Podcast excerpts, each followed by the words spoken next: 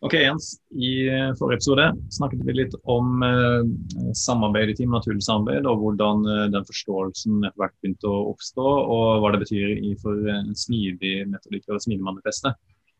Og jeg snakke litt mer om eh, hvordan vi skal måtte, bruke den forståelsen, og hvordan vi gjør dette, og hvordan vi implementerer eh, etableringen av team. Men før vi egentlig tenker på det å implementere, hvorfor trenger vi Teams egentlig? Hadde det egentlig ikke vært bedre om vi hadde designa opp en uh, prosess hvor vi definerer grensesnittene mellom folk, og alle bare fokuserer på kun sin ting. At alle var, kan jo litt større liksom, maskineri. Jo, jeg, jeg syns det, det er innmari interessant spørsmål, og jeg fikk det faktisk uh, under presentasjonen i går. Um, og, og, for meg så er det faktisk enda verre, fordi uh, jeg vet at kompleksiteten og menneskenaturen rundt spill da, kan føre, nei, rundt, rundt samarbeid er så sterk, og den kan føre til masse negative effekter. Det er mye som kan gå gærent, liksom. Så, og det var i den anledning jeg fikk det spørsmålet i går. Eh, når mennesker kan reagere negativt på så mye i forhold til hverandre, hvorfor i all verden skal da eh, virksomheten de ansatte i legge til rette for at alt dette gærne kan oppstå? Mm. Eh, og hadde ikke da vært bedre å sette dem på hvert sitt kontor og, og passa på at noen leverte beskjeder den ene, mellom den ene til den andre, liksom. Eh, og det er jo litt der man var før, ikke sant? I, i, i klassiske styrte selskaper, hvor prosesser var du, du, sitter der og jobber, og så legger du eh, det du har skrevet i internposten, og så kommer det et postbud og leverer den til riktig etasje med riktig kontor, kontornummer.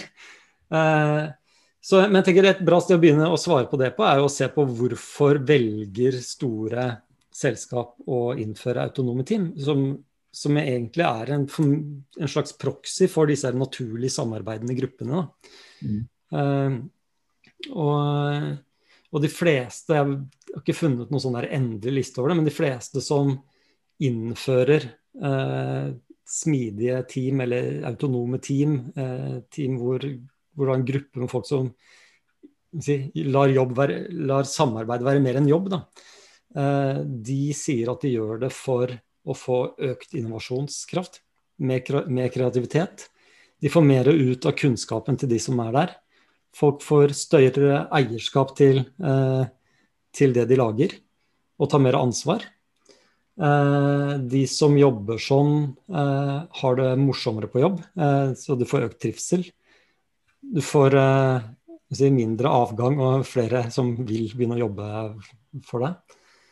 Eh, en kul effekt som jeg ikke hadde sett før, men som dukket opp og var relevant i forhold til det jeg snakket om i går, var, er også dette med at folk eh, lærer seg Altså nye mennesker lærer seg lett det du skal gjøre i teamet, istedenfor å gå gjennom et internkurs og eh, se gjennom denne videoen her og svare på disse spørsmålene for, eh, for, å lære deg det du skal gjøre.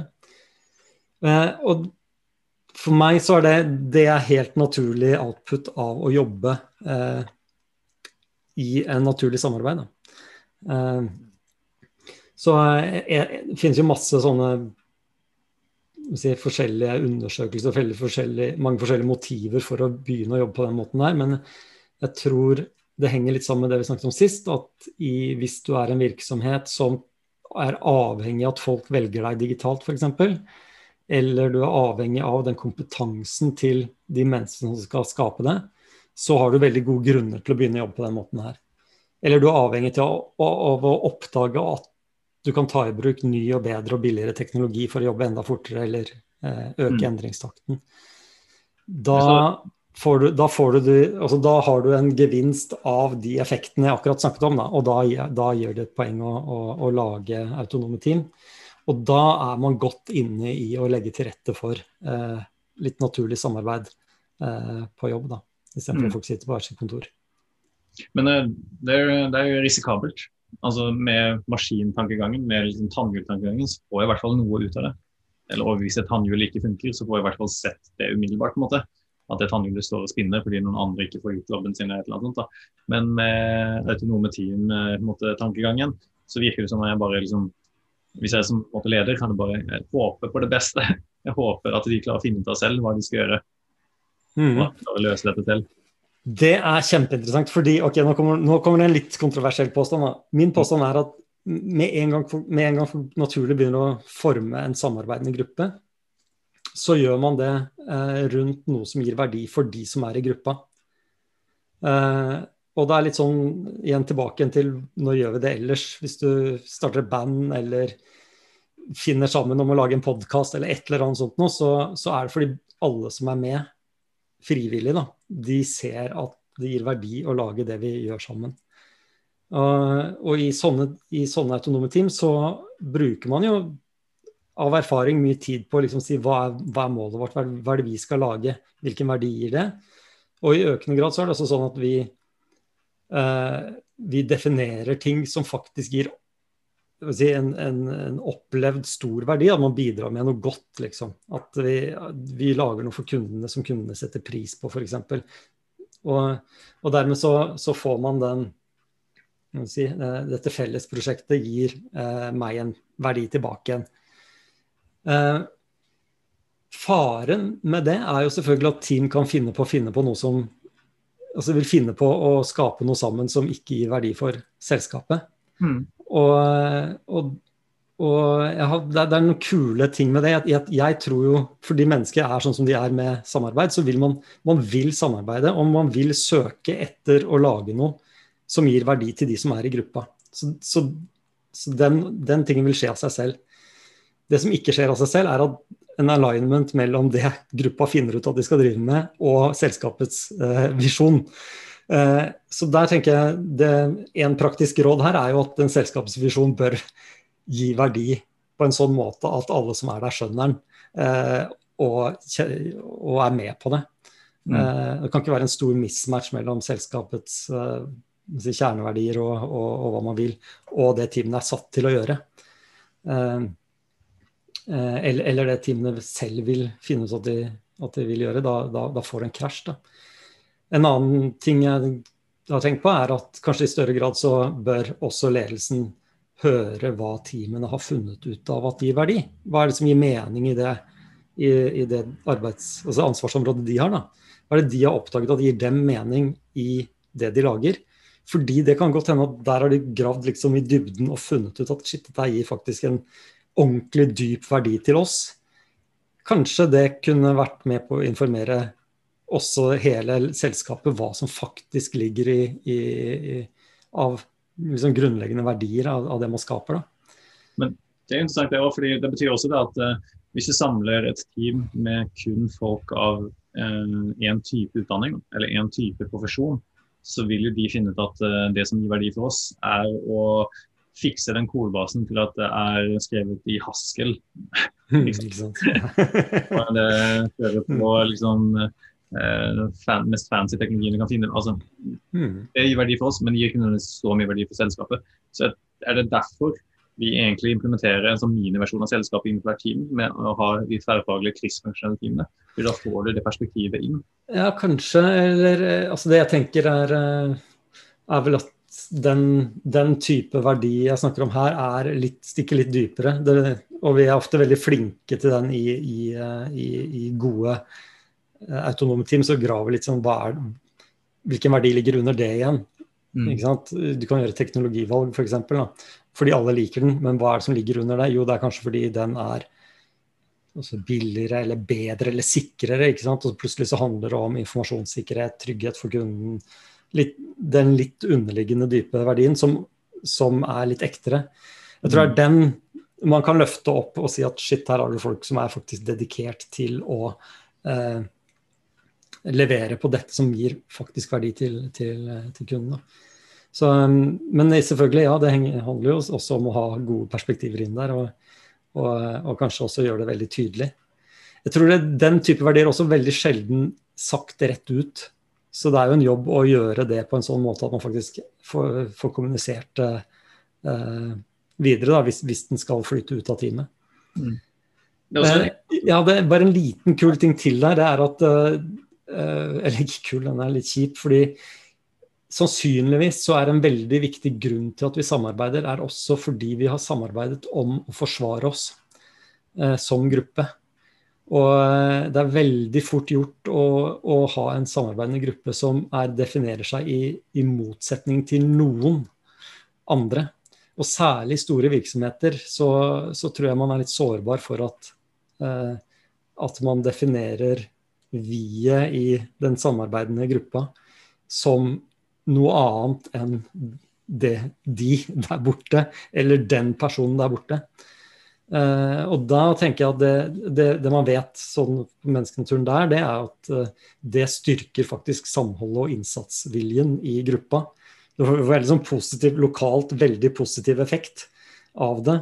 Uh, så det, eksempelet jeg brukte var liksom, ta, ta, en direktør da, som ikke skjønner hva du snakker om, er uenig i den retningen man er satt til å jobbe med. Så har du kanskje en annen direktør over deg som, som vil i en retning du er enig i.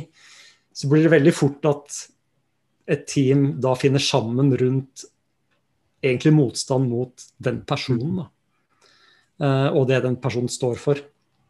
Uh, men, men det, der skiller vi mellom ytre trusler i form av ting, og ytre trusler, eller ting eller hendelser, og ytre trusler i form av personer. Og vi definerer da personer som mye større trusler, og det øker også oppslutningen veldig mye bedre, og får veldig mye finere vi-fellesskap rundt eh, rundt en ytre personfiende.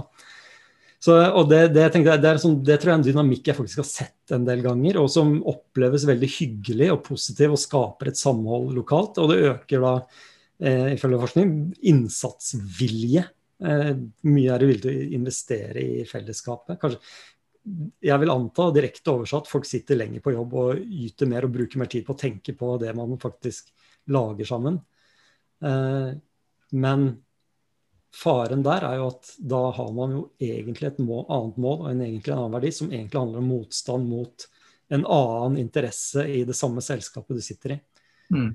Der tror jeg kan, nok ofte, i hvert fall i store virksomheter, vil finne en god del sånn konflikt, eller hvor, hvor selskapet som helhet ikke går, tråkker i samme retning. Teamet kan finne på å bli for autonomt. Mm. Jeg har sett den effekten der før. og der um, selv om du prøver å måte, eh, få et team til å jobbe mot et overordna mål, som er at vi skal levere den tjenesten for den brukergruppen fordi det gir verdi for dem og det gir verdi for oss, så blir det ofte litt sånn Ja, det er kjekt å få det til. Det gir en ekstra en bonuseffekt. på en måte. Og det er ikke alltid det som måtte funke for alle. fordi eh, For mange så er det også litt sånn status quo er ikke så verst. på en måte. Ikke sant? Ikke alle som vil ta det steget. Men mm. da når du introduserer en konkurrent, det er da måte, den ekstra måte, den burning platform-biten kommer. fordi de sier det er noen andre som kommer til å ta den posisjonen hvis ikke vi gjør det. Yes. Vi må slå de før, vi må komme raskere dit, vi må lage et bedre produkt enn dem. Vi skal ikke sabotere for dem, men vi skal i hvert fall gjøre det bedre enn det de, de gjør. Og mm. Det måte, setter eh, fyr under noen folk, da, en enkelte grupper. Og Du får til det samarbeidet. Du får liksom en litt forsterka sense of purpose. på en måte. Mm. Og jeg tror det, det, er en situasjon vi eh, spesielt når man lager nye digitale tjenester, eh, så er det den, den konflikten der er veldig klassisk. Men det er mm. lett å glemme at det er faktisk ofte i selskapsinteresse å, å beskytte det man har også. Og det er folk i selskapet som har det som jobben sin. og passe på at det skjer. Det er klart de yter motstand. Mm. Eh, og, eller ikke alltid, men, men eh, sannsynligvis vil de gjøre det. Eh, men da Og så er man da, Det er ikke noe enkelt svar på det. Det er ikke sånn at man skal slutte å tenke på de som en ytre fiende. Fordi vi klarer, vi klarer aldri å slutte å tenke på oss og dem. Sånn, ja, eksempel jeg bruker, er eh, det beste vi kan gjøre, er å tenke at det finnes noen der ute som, ikke, som deler verden inn i oss og dem. Og så er det da vi eh, som ikke definerer verden i oss dem, men da er du fortsatt fanget i den samme loopen. Ja. Vi, vi, kommer ikke ut Det er sånn hjernen vår er skrudd sammen. Vi tenker, tenker i oss og dem. Eh, og, men det vi kan gjøre, er å definere oss så mye større. Vi kan, vi, kan definere også den motstanden som en del av helhetspakka. Mm. Eh, og det kan godt hende at man alltid skal en, være litt obs på. da som en sånn rent praktisk råd, være obs på at det er lett å At en, en, veldig godt fungerende, godt samarbeidende gruppe som blir en liten, eh, en liten naturlig enhet, de kan fort eh, sette seg litt egne mål, og de kan også stå i opposisjon til faktisk eh, andre interesser i samme selskap. Det tror jeg man skal være klar over. Det er interessant, fordi jeg husker ikke hvor jeg måte, hørte om det, men jeg tror det var noen som snakket om at når ting går bra, så er definisjonen av oss stor. Når ting går dårligere, så blir definisjonen av oss mindre. Det blir til la oss si at det blir til selskapet og ikke bransje lenger. Altså, hvis det går enda dårligere, så blir det til avdelingen, og så blir det til teamet. og så blir det plutselig vårt team er alt riktig, men det, det teamet du er der borte, og desto verre ting, desto dårligere ting går, desto på en måte mer på en måte, til slutt blir det bare deg selv. da. Jeg gjør alt riktig, jeg gjør ting riktig, men det er resten av teamet som er idioter. måte, som Ja, ikke sant? det er interessant å se på hvordan kan man bryte ut det, og det får liksom oss-definisjonen til å bli på det nivået vi ønsker det skal bli. da. Mm.